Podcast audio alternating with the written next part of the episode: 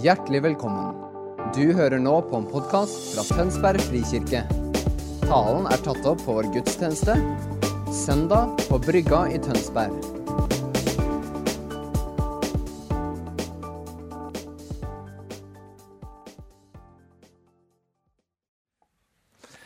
Da skal vi ta om igjen Johannes 20, 1-10. Tidlig om morgenen den første dagen i uken, men det ennå er mørkt, kommer Maria Magdalena til graven. Da ser hun at steinen foran graven er tatt bort. Hun løper av sted og kommer til Simon Peter og den andre disippelen, han som Jesus hadde kjær. Og hun sier, 'De har tatt Herren bort fra graven, og vi vet ikke hvor de har lagt ham.' Da dro Peter og den andre disippelen ut og kom til graven. De løp sammen, men den andre disippelen løp fortere enn Peter og kom først. Han bøyde seg fram og så linklærne ligge der, men gikk ikke inn i graven. Simon Peter kom nå etter, og han gikk inn. Han så linklærne som lå der, og tørkleet som Jesus hadde hatt over hodet. Det lå ikke sammen med linklærne, men sammenrullet på et sted for seg selv. Da gikk den andre disippelen også inn, han som var kommet først til graven. Han så og trodde. Fram til da hadde de ikke forstått det Skriften sier, at han måtte stå opp fra de døde. Disiplene gikk så hjem. Jesus ble korsfestet, døde, ble begravet. Han lå der livløs, pisket og forslått. Et stort åndelig drama hadde skjedd. Jesus hadde tatt på seg verdens synd. Faderen lot sin hellighetsvrede mot synden treffe Jesus og skilte seg fra ham. Det var nå et brutt forhold i treenigheten. Jesus for ned til dødsriket i dødens favntak. Om englene holdt pusten og lurte på hva som skjedde, vet ikke jeg. Djevelen og hans engler visste heller neppe hva som foregikk. De trodde kanskje at de hadde seiret. Men så lyder en befaling fra Faderen. Den hellige ånd med sin kraft reiser Jesus opp. Alle dødens krefter og lenker maktet ikke å holde han i dødsriket. Den livløse kroppen i graven får igjen liv. Jesus er oppstanden, men til et nytt herlighetslegeme. Legemet glir ut av likkledet. Jesus forlater gravkammeret. Englene flytter nok steinen foran graven med for at kvinnene og Peter og Johannes skal se inn. Hva ser du? Vi skal få se et bilde her til. Ja, dere har på hvem som malte også. Eugene Bernand, 1898. Vi er litt tilbake i historien, skjønner du. Peter og Johannes på vei til graven. Dette, dette, er litt personlig for meg. Det hadde min far. Sjømannsbest friend for de som ikke vet hvem han er. Det hang på hans kontor.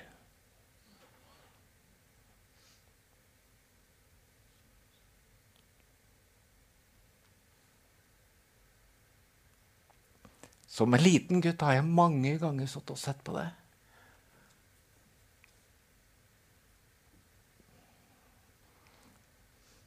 To menn, en ung, en gammel,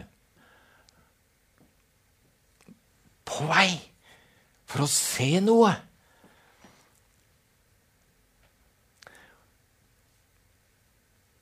La ikke preken ut fra, det bildet der, men la meg bare si at hva tenkte de på? Og bildet illustrerer forskjelligheten.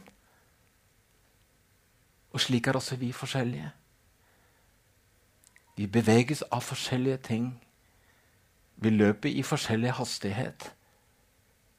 Men vi er alle på vei forhåndentligvis mot det samme for å se.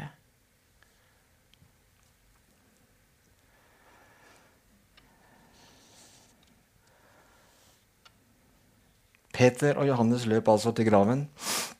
Sterkt urod over Marias ord. Hva ventet dem der ved graven? Hva ville de se? Og så stopper Johannes da utenfor. Og Peter, velsignet være Peter, som tenker like, men er rask på. Han løper rett inn og blåste katten på alle renselseslovene. Det var en stor konsekvens å gå inn i en grav under påsken. Han brydde seg ikke.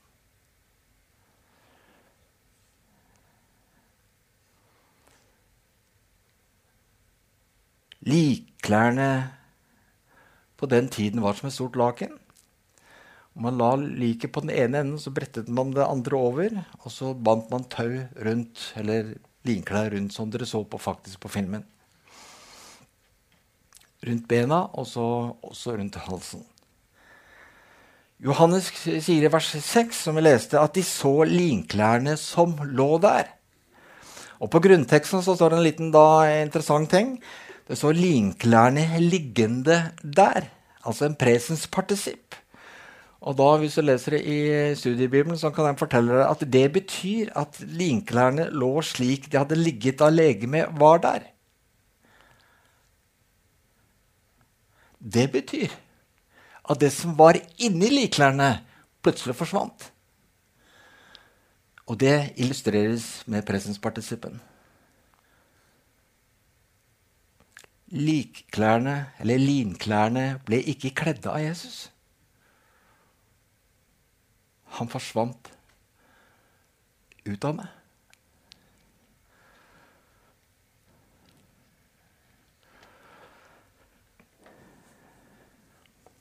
På grunnteksten så brukes det flere ord for å se også. Du har noe som heter blepo, som betyr å se i alminnelighet. Om Peter i vers 6 Simon Peter kom nå etter, og han gikk inn. Han så linklærne som lå der. Her brukes ordet tereo, som er et kritisk og inngående syn. Altså se for å finne ut av ting. Så kom Johannes inn og ser da det samme som eh, Peter allerede har sett. Men der står det 'han så og trodde'. Nå brukes ordet 'ido' for å se. Det brukes når man fatter og forstår noe, når man ser det. Han så noe som forløste en tro. Og det er noe annet enn å se og vurdere.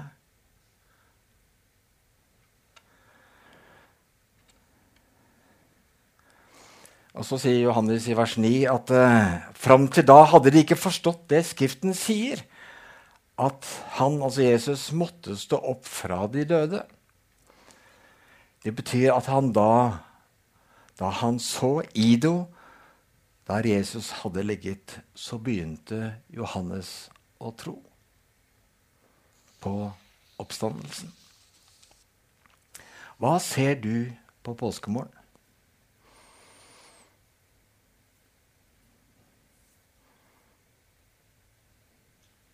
Hvordan ser du? Ser du til tro? Eller ser du til observasjon? Ser du bare en tom grav? Eller ser du den oppstandende Jesus Kristus og konsekvensen av det? Hva det betyr? Og Spørsmålet for oss i dag er ikke så mye om vi tror at påskeunderet skjedde, men om du ser det slik at du erfarer det og dets virkning i ditt liv.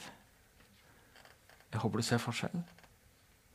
Hva ser du påskemorgen? Hva slags effekt har det du ser i ditt liv? Og Da har jeg tenkt å ta deg på fire punkter som gir et forslag om hva du kan se.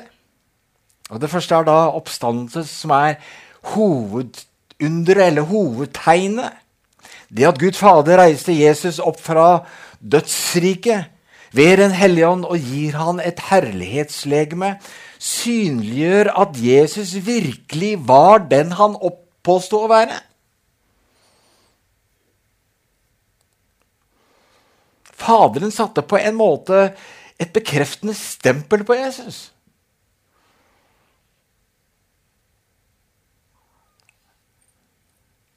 Det er mange som har påstått at de kan frelse mennesker. Det finnes mange religioner.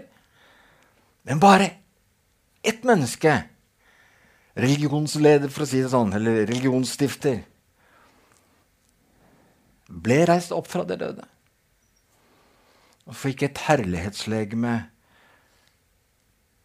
som også ble bekreftet av mange. Altså Oppstandelsen er hovedtegnet som peker på at Guds frelsesbudskap er tilbudt menneskeheten og er gjennom Jesus Kristus og Jesus Kristus alene.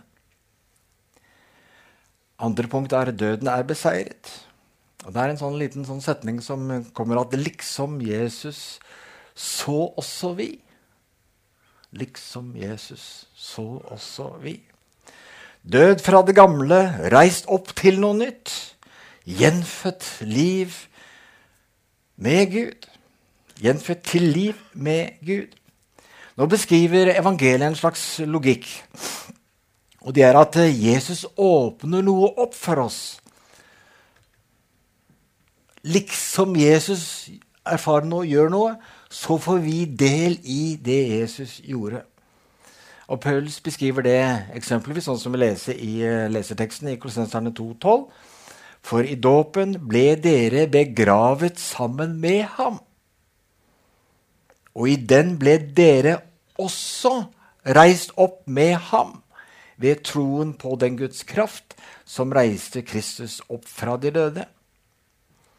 Den kristne dåp har en tydelig budskap og en symbolikk. Og det har jeg sagt før. Man tar og dypper en person ned i vann. Og symbol så dypper man personer ned i vann for å drukne vedkommende. Du skal derfor ikke være for rask med å ta dåpskandidaten opp igjen. Du må sørge for at han erfarer det dåpen skal gi ham, en død. Altså, du må drukne ham. Slik at alt hans gamle liv slipper taket fra ham.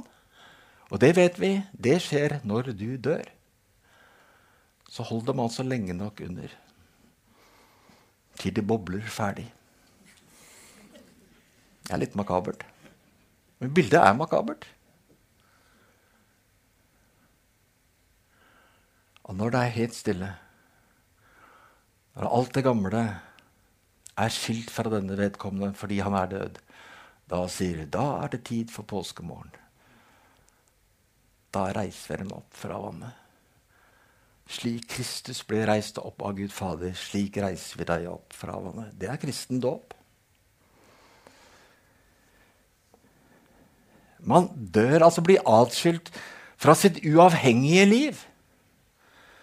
Man føres sammen med Jesus i den død han hadde. Da Jesus døde på korset, ble han altså drept, atskilt fra Gud Faderen da han tok på seg syndens konsekvens. Så vil altså Gud at vi skal dø, bli atskilt fra syndens konsekvens i våre liv og vårt gamle liv. Og vi forstår den siden som handler om at syndens konsekvens blir vi atskilt fra. Den dør fra oss. Altså straffen. En evig fortapelse bort fra Gud. Den slipper vi. Men vanskeligere er det med vår uavhengighet og selviskhet. Dør den også? Eller tar vi da for raskt opp av dåpsvannet?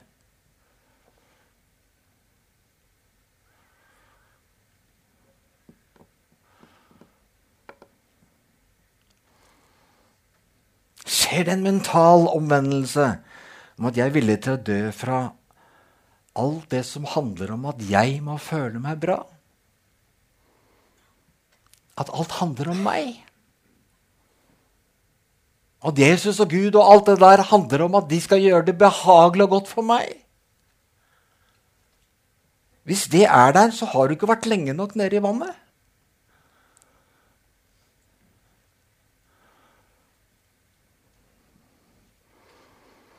Det handler om at mine behov skal bli møtt, og at Gud skal hjelpe meg med det.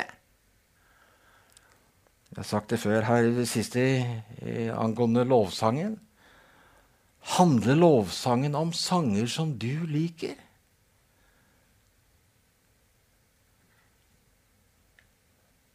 Det er avguder i det.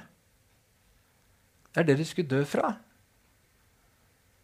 Vi tilber Gud fordi han er verdig tilbedelse. Kjernen er at han skal like det. Så har jeg funnet ut at han liker mye rart.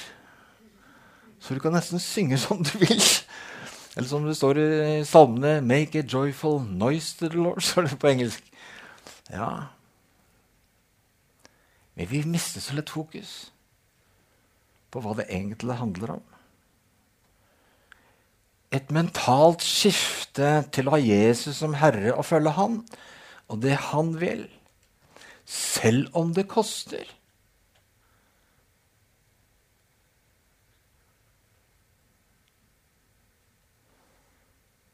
Dåpen forkynner død fra dette. Og illustrerer det, som jeg sier, litt makabert. Påske handler om død og oppstandelse. Eh, og så skal jeg ikke trekke den for langt heller. Jeg tror det er en sammenheng mellom det vi skal komme til senere med oppstandelseskraften, om hvordan i vår bevissthet vi har dødd. Det smer av selvlivet og det selvsentrerte livet om den forståelse om at det handler om meg, at jeg skal føle meg bra, at ingen må såre og krenke meg, og liksom, jeg må ha det bra. Dess sterkere det er i mitt liv, dess vanskeligere er det å gripe oppstandelseskraften. For før oppstandelseskraften så er en død. Før vi reiser deg opp av vannet, så skal du ned i vannet.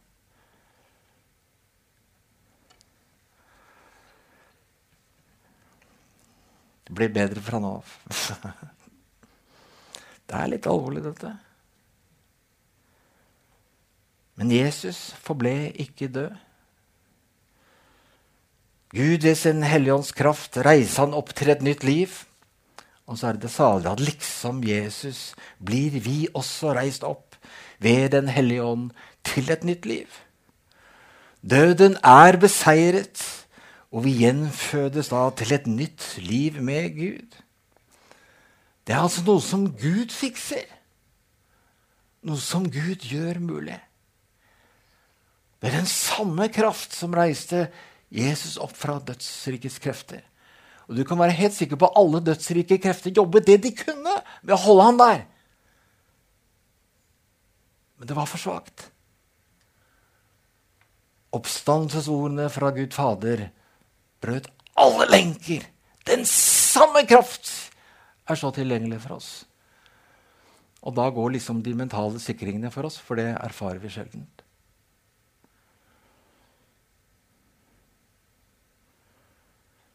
Døden er altså beseiret, som jeg sa. Og vi gjenføres til et nytt liv med Gud. Et liv ikke ut fra vår selviskhet, men ut fra kjærlighet. Altså, vi er Guds elskede barn, og velger å elske fordi han elsket oss og deler sin kjærlighet med oss. Når vi da altså løfter som Når vi løfter de som døpes skal jeg si, opp av vannet, skal det illustrere denne åndelige realiteten av et nytt liv. En oppstandelse til et nytt liv som muliggjøres ved Den hellige ånds kraft. Denne realiteten skal vi så leve i etterpå, i avhengighet av Gud.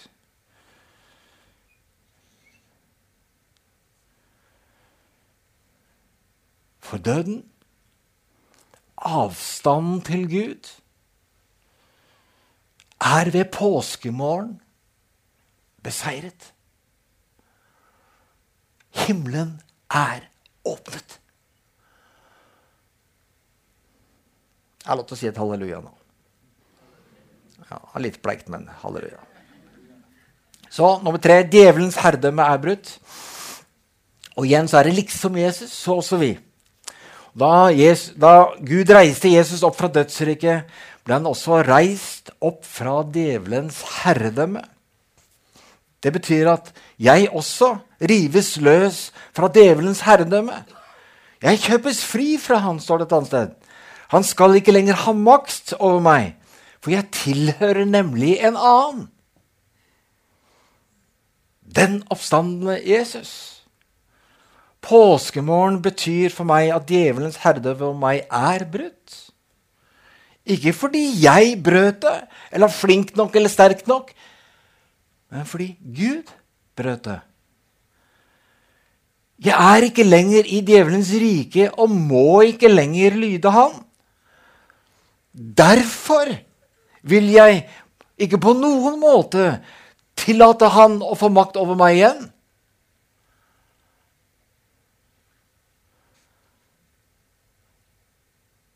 Og hvordan skjer det? Jo, det skjer ved at jeg ikke lytter til det han sier. At jeg slett ikke er enig med det han sier. Og jeg slett ikke gjør som han sier. Og det prøver han stadig på. På Guds barn som er herlig frelst, prøver han å så tanker inn i ditt sinn. Han ønsker at du skal være enig med det han sier. Enig om hans negative tanker om deg og gjerne andre som har selvsentrert, egoistisk, uavhengig preg.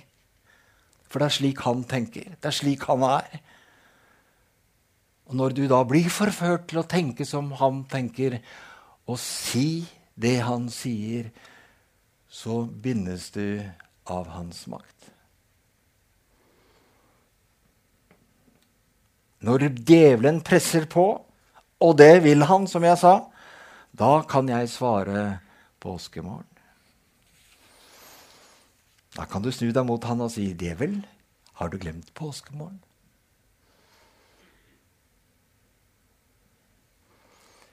Fire oppstandelseskraften. Påskemorgen har et budskap til hvordan vi kan leve. Og Paulus ber om i Efesermenigheten skal forstå dette i Efeserne 1, 18-20. Og da sier han må, måtte han gi deres hjerte, øye, lys, så dere forstår hvilket håp han har kalt dere til, og hvor rik og herlig arven er for de hellige, og hvor veldig hans kraft er hos oss som tror. Med denne veldige makt og styrke reiste han Kristus opp fra det døde og satte ham ved sin høyre hånd i himmelen. Paulus sier altså at den samme kraft som Gud reiste Jesus opp fra det døde, skal være virksomme i våre liv. Det er altså ikke bare en kraft, men en veldig kraft. Og dette kaller vi oppstandelseskraften. Ikke uten grunn så ber eh, Paulus om at Gud skal gi den åpenbaring om dette. At jeg virkelig forstår det. At du kan se det slik at det tros i ditt hjerte. At det kan gripe våre hjerter.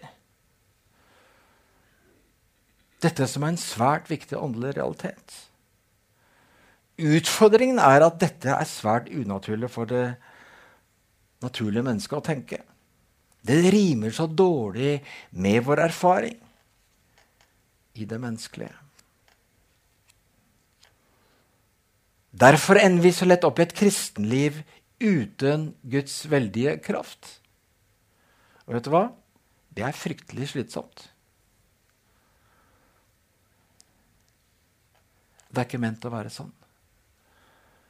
Derfor er den hemmelighet stor, og den åpenbaring stor, og verdt å jage etter.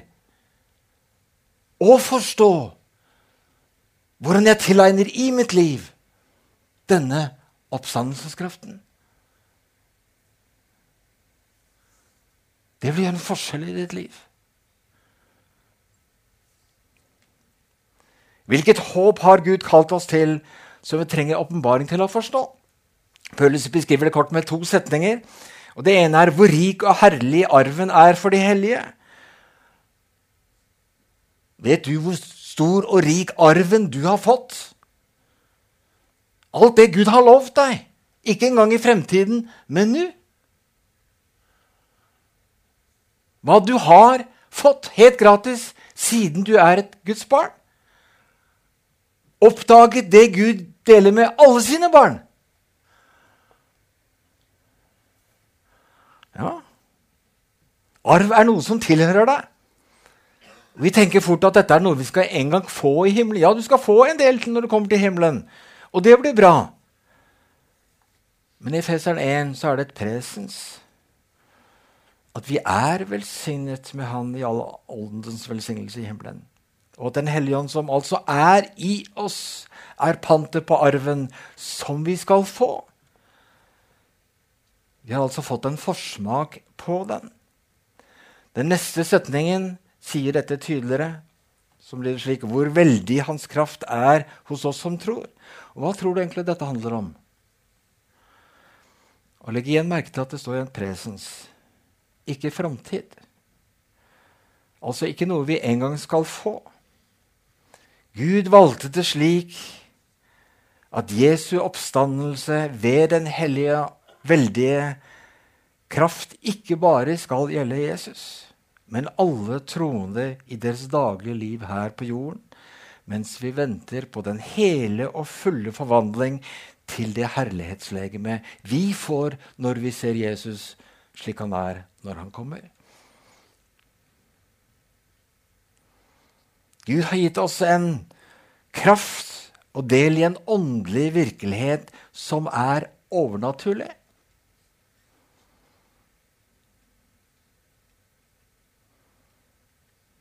Det er meningen at det overnaturlige, Gudsrikets virksomhet, Gudsrikets vilje i himmelen, skal bryte gjennom iblant oss. Og Jesus ba oss nettopp be om dette i Fader vår. La din vilje skje her på jorden, liksom din vilje er i himmelen. At det skjer, at Guds vilje i himmelen om både det ene og det andre, at det skjer overnaturlig, skaper en undring. Og det er mening at verden skal høre det vitnesbyrdet.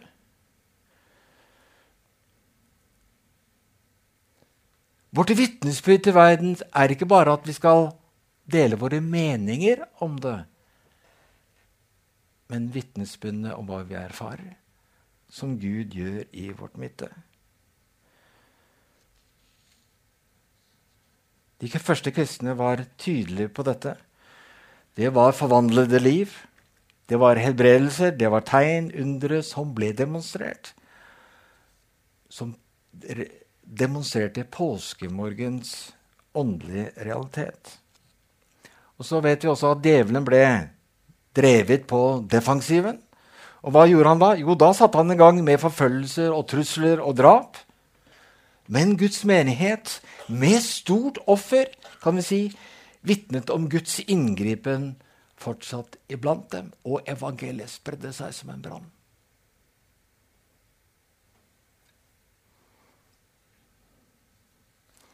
Og så gikk tiden. Fokuset skiftet for mange kristne. Man mistet eh, synet av og troen på denne åndelige virkeligheten som vi nå snakket om. Påskemorgen handlet mer og mer om eksempelet Jesus, og at vi har noe godt i vente når vi kommer til himmelen. Det ble lite av Den hellige ånds kraft, oppstandelseskraften hos oss som tror. Hva betyr påskemorgen for deg? Hva ser du?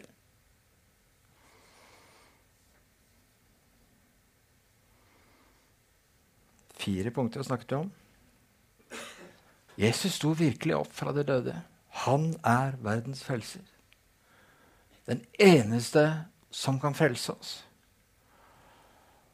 Døden og syndens konsekvens ble beseiret. Jeg velger å dø fra mitt gamle liv. Jeg velger å dø fra uavhengighet. Altså den vilje som ikke er villig til å underordne seg andres vilje, som kan stride mot min vilje.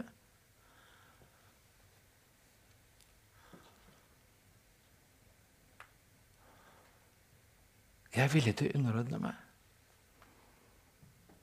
være avhengig av andre mennesker.